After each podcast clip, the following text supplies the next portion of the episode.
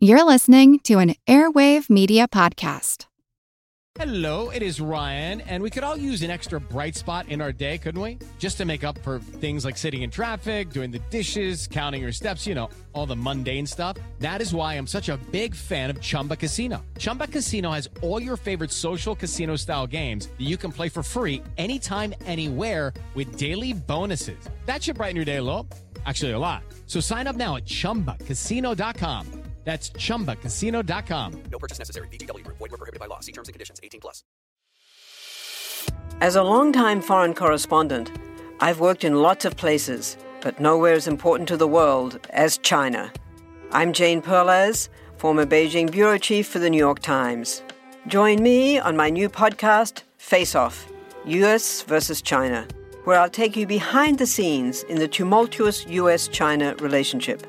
Find Face Off wherever you get your podcasts. This is Kick Ass Politics. I'm Ben Mathis.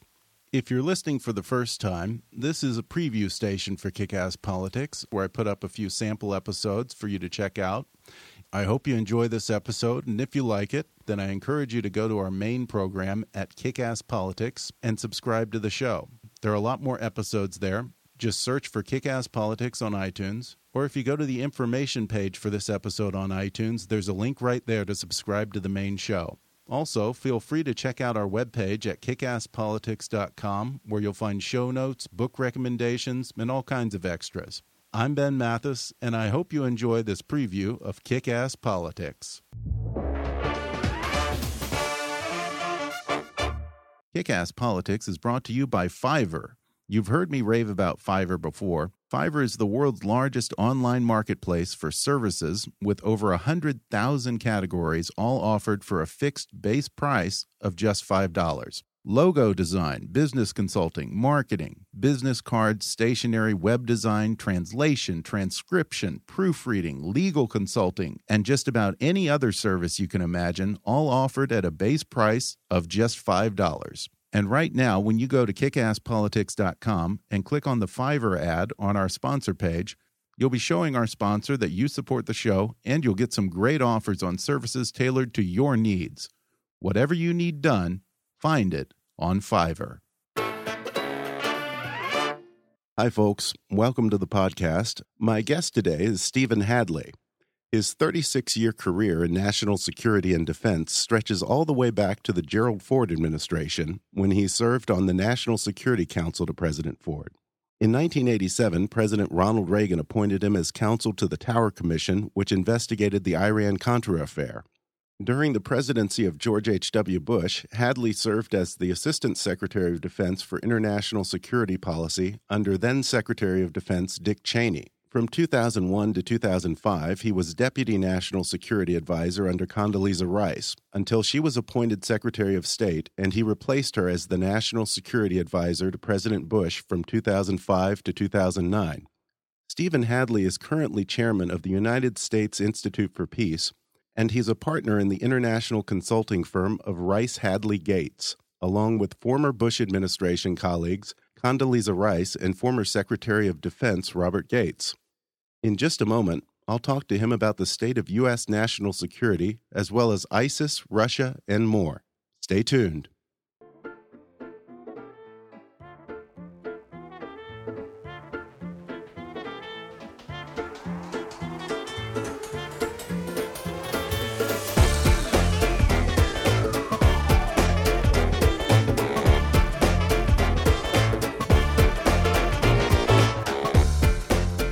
Hollywood to Washington, it's time for Kick Ass Politics. And now here's your host, Ben Mathis. So, Stephen Hadley, thank you so much for joining me today. You have had a long career in defense and national security that stretches all the way back to the Nixon administration. You have seen Vietnam, you've seen the Cold War, you've seen both Iraq wars and Afghanistan. How dangerous a place is the world today? It's a it's a it's a troubling place. It's a challenging place for us. If you kind of look back and say, where have we been the last twenty five years or so?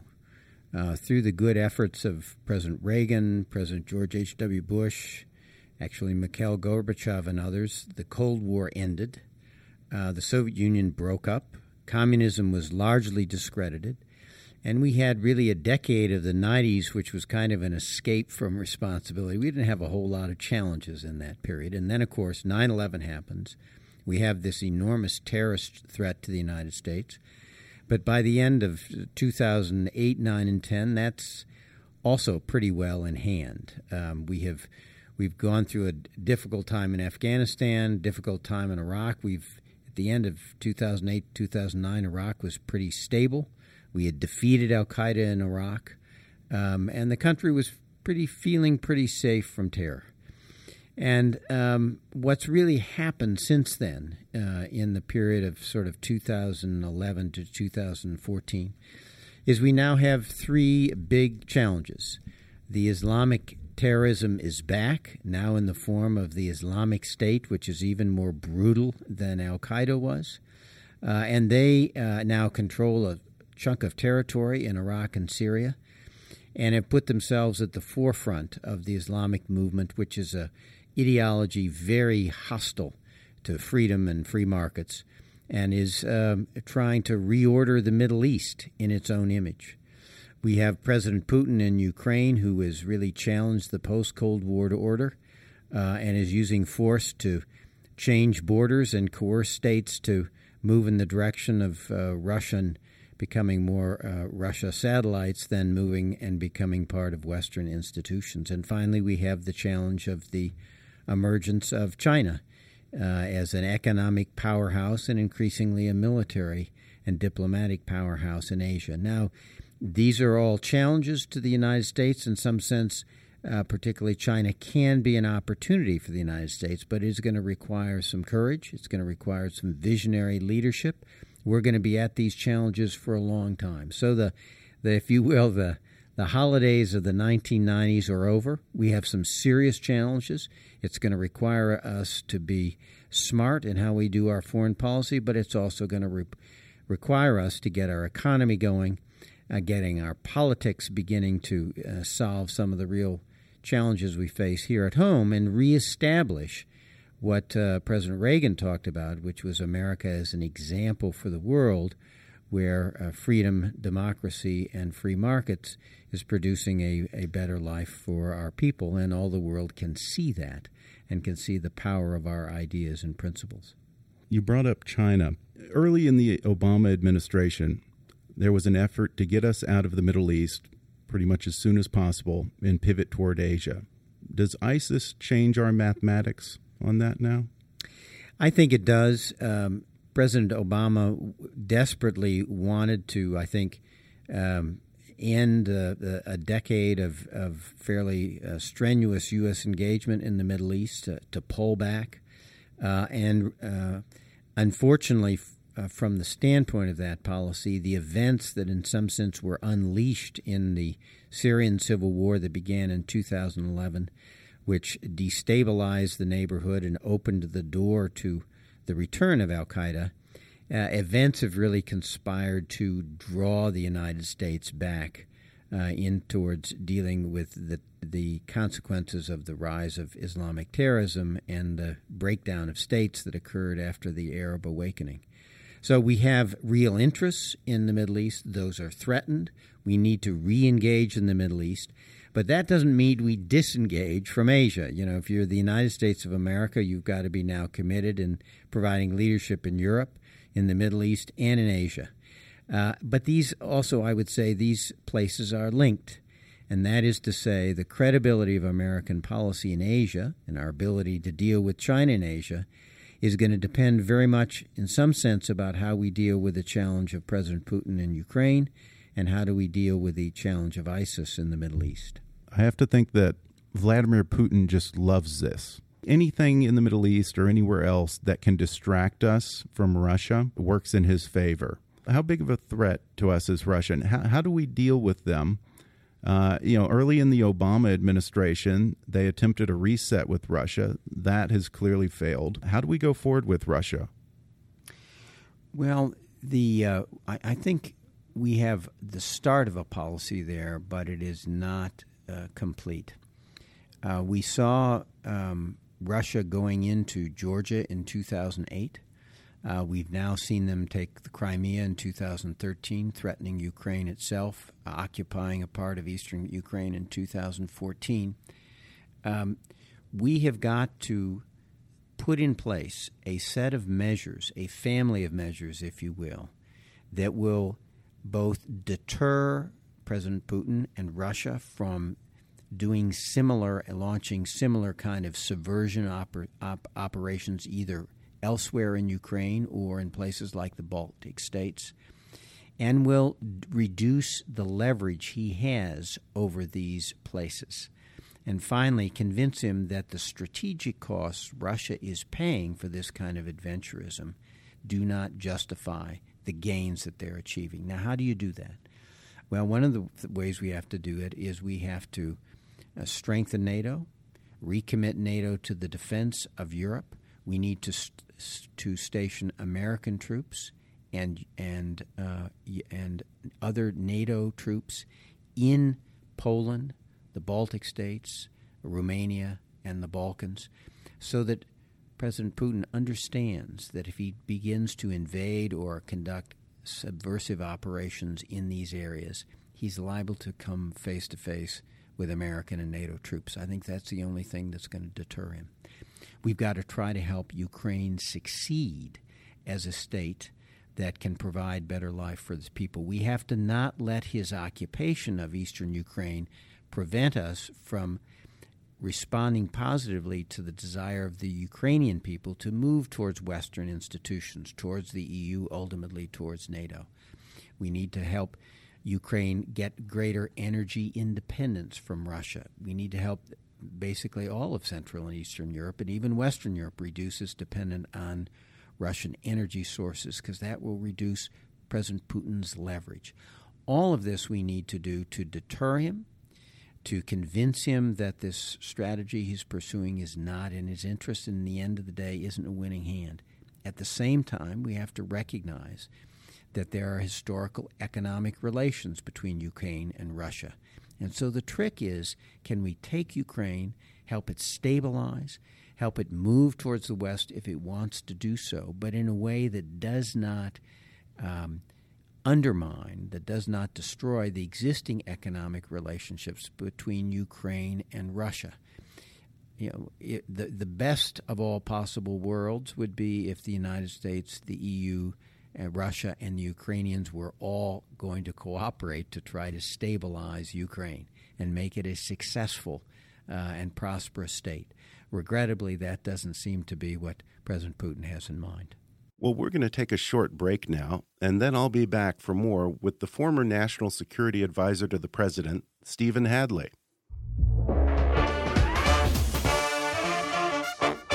I hope you're enjoying my conversation with former National Security Advisor Stephen Hadley. And if you are, then I think you'd enjoy a book called Duty Memoirs of a Secretary at War by Mr. Hadley's colleague, former Secretary of Defense Robert M. Gates. And right now, you can download the audio version of his book for free with a special promotion for our listeners from audible.com.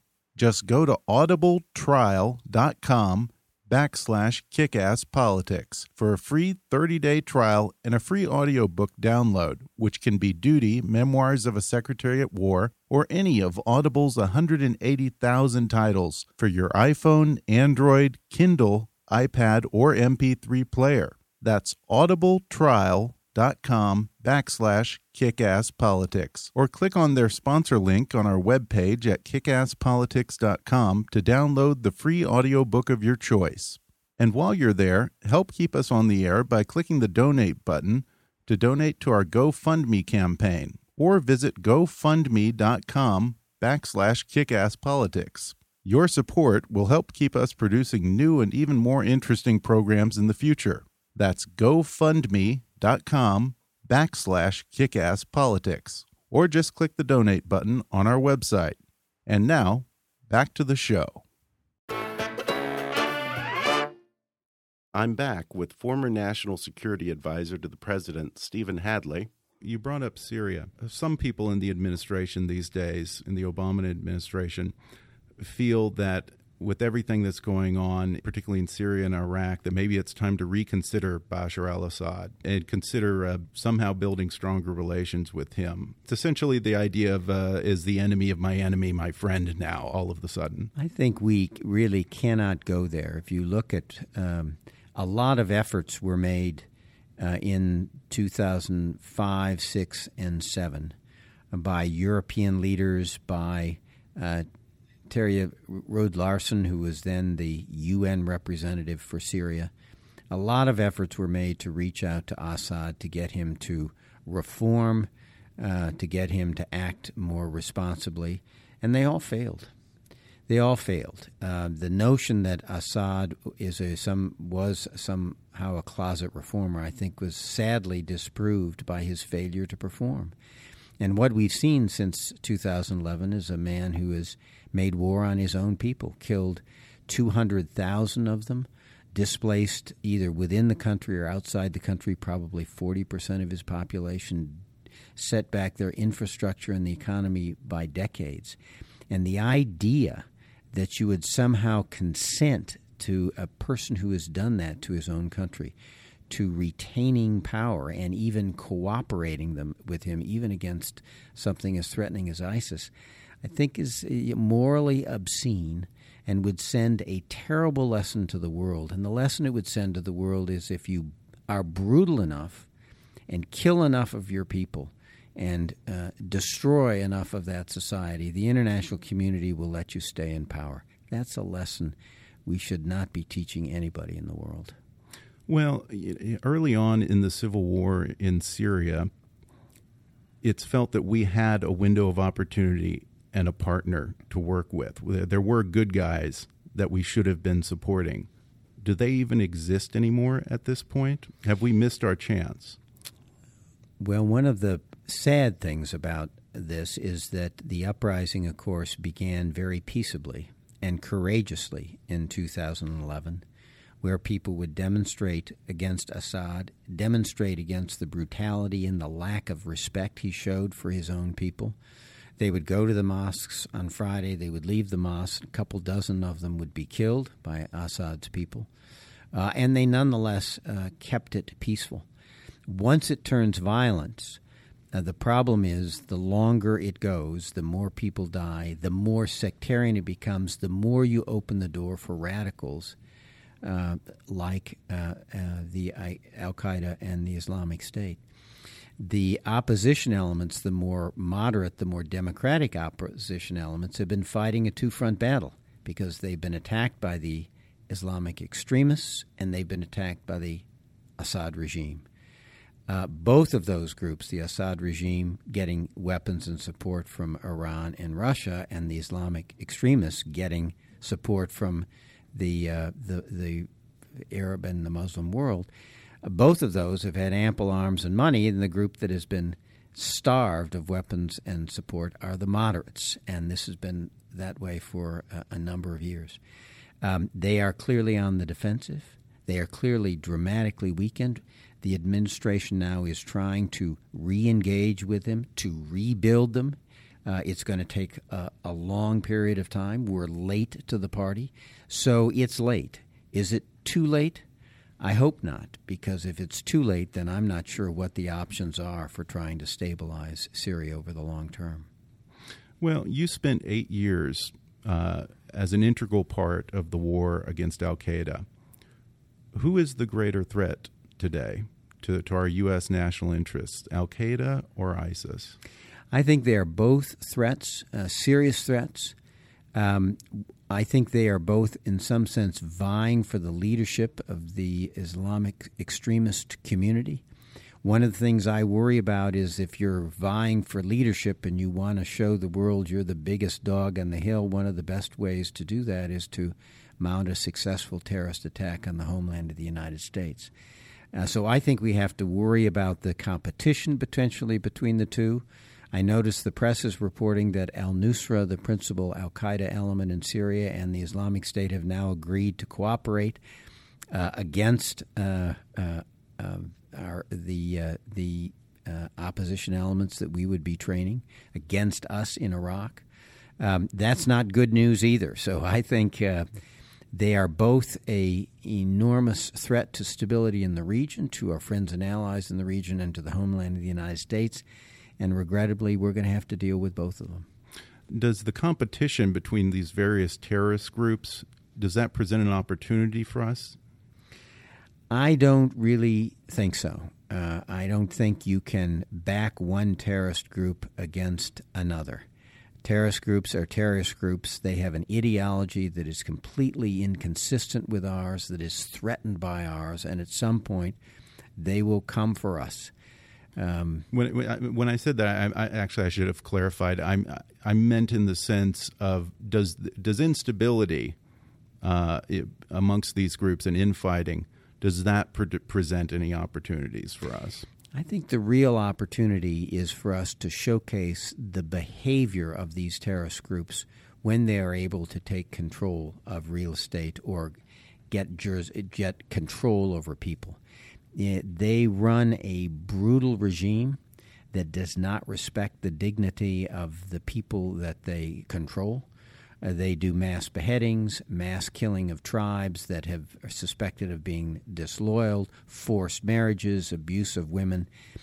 I think the best opportunity we have is to get the world, and particularly the people of the Middle East, to understand what life is like under these terrorist groups. I think if we can do that, and then show them some hope that if they rise up against those terrorist groups, they will have our support and they will actually win uh, I think that's the best thing we can do, and I think that's the best opportunity ultimately for turning the people of the Middle East against these extremists.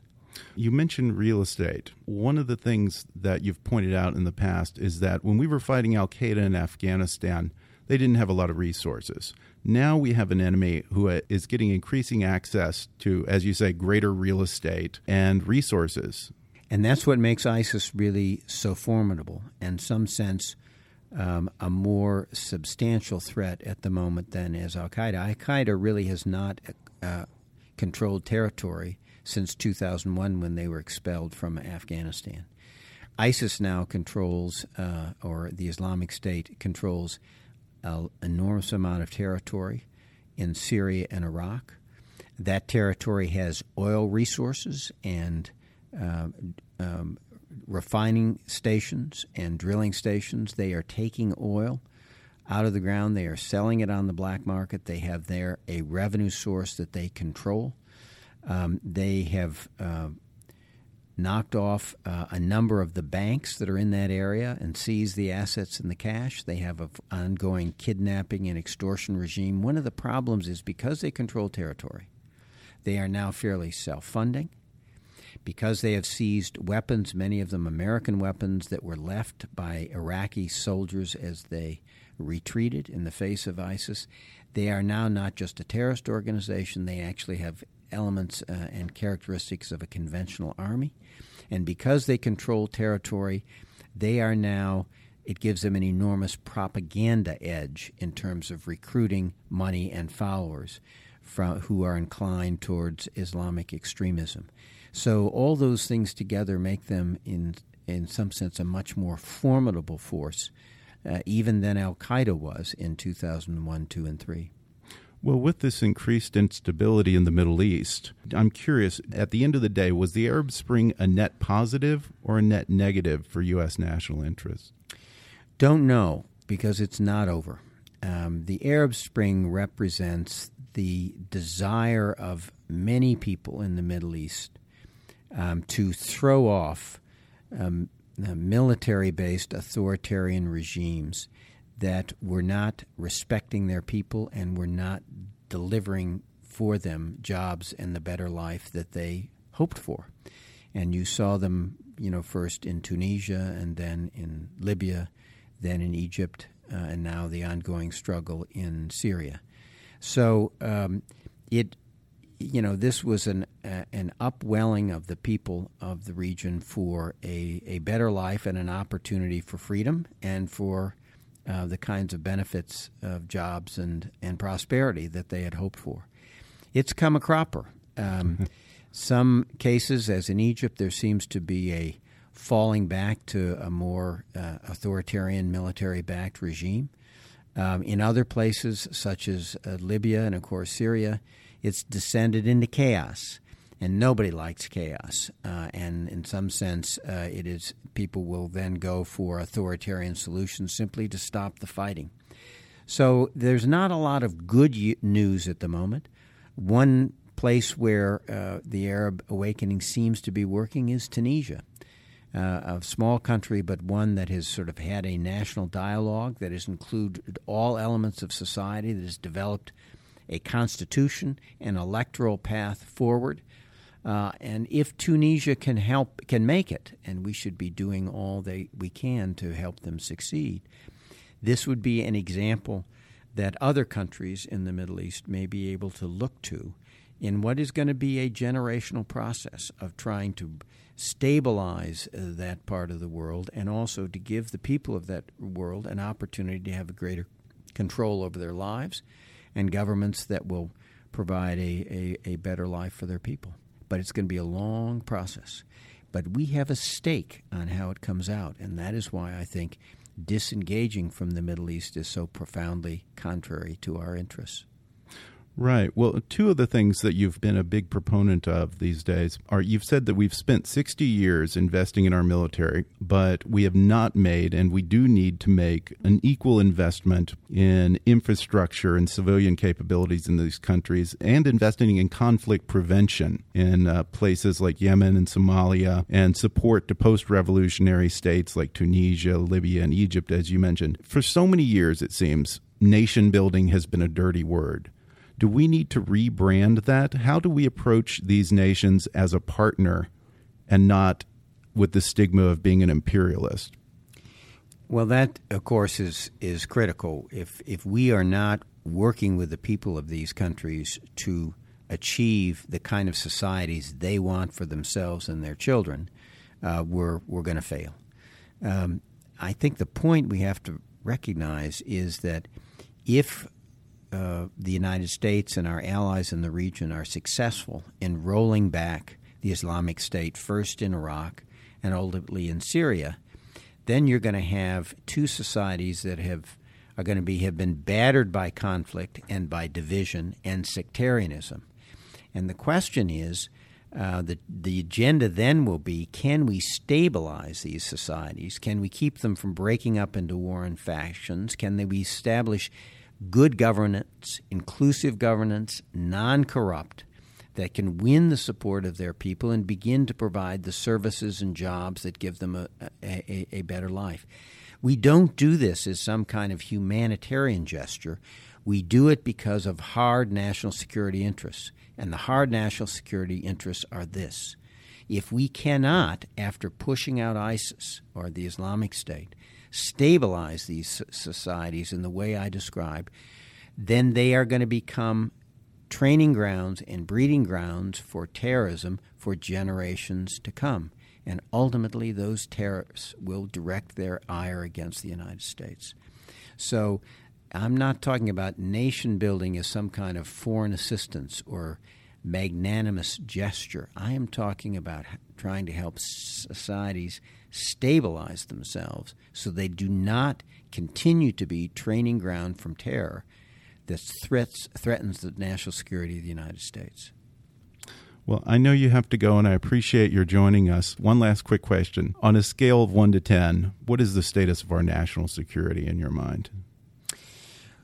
Well, I think we have uh, made um, we've made progress against terror. We're safer, but not yet safe. I think we have challenges uh, in Europe, in the Middle East, and Asia. They are formidable challenges, but I have great confidence in the United States.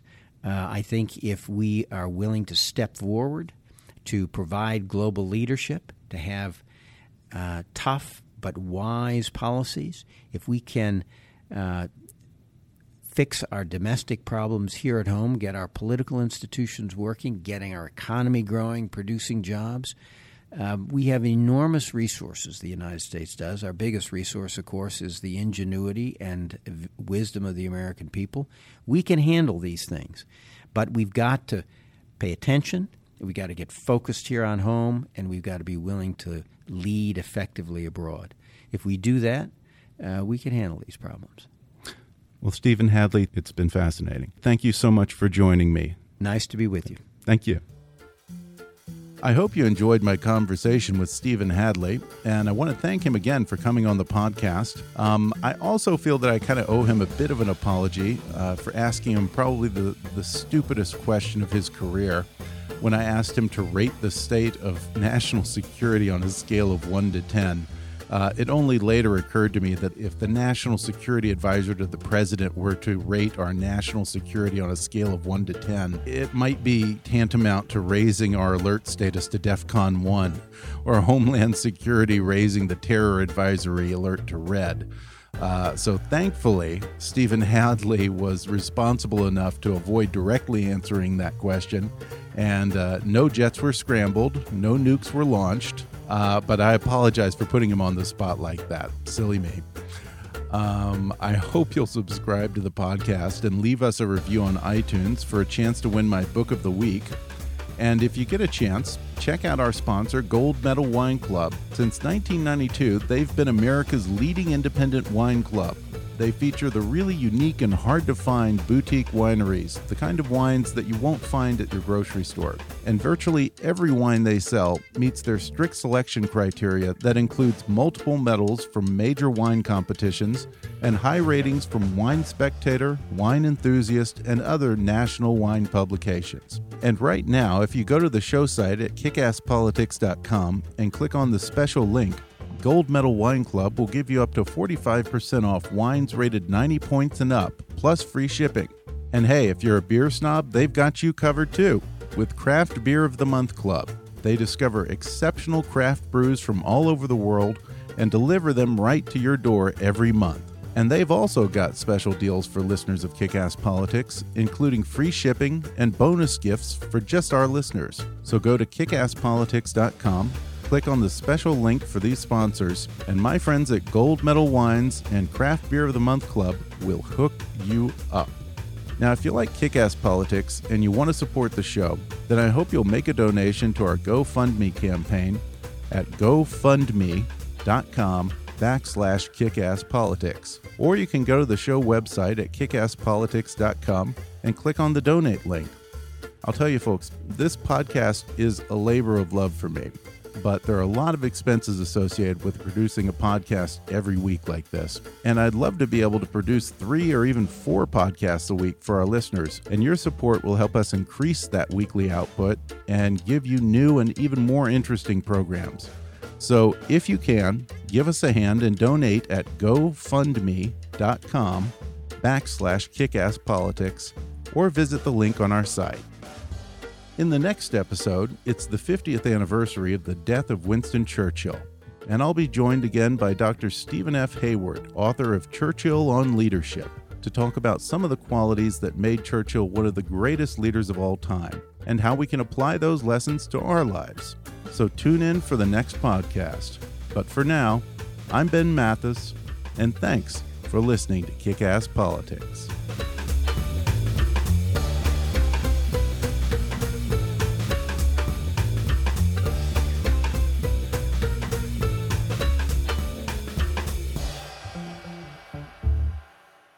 Kick Ass Politics is a trademark of Mathis Entertainment, Inc.